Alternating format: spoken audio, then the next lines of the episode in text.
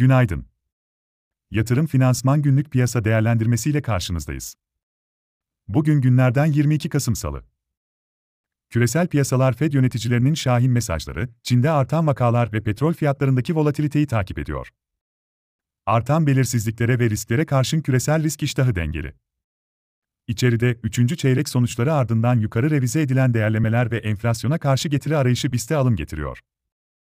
Bununla beraber, güçlü bir rally ardından kritik dirençlere yaklaşan BIST'te henüz anlamlı bir düzeltme yaşanmadı, bu nedenle kar satışlarına karşı dikkatli olunmalı. BIST'te bu sabahta dengeli bir açılış bekliyoruz.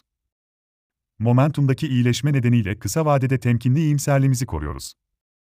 BIST endeksinde takip edilmesi gereken dirençler 4600, 4690 ve 4784, destekler ise 4500, 4445 ve 4340.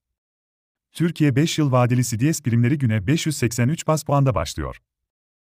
Ajandada ise içeride Kasım ayı tüketici güveni ve hazinenin 5 ve 10 yıl vadeli borçlanma ihaleleri izlenecek.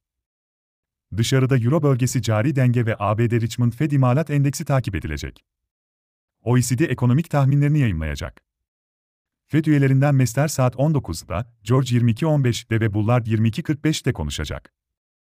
Yatırım finansman olarak bol kazançlı bir gün dileriz.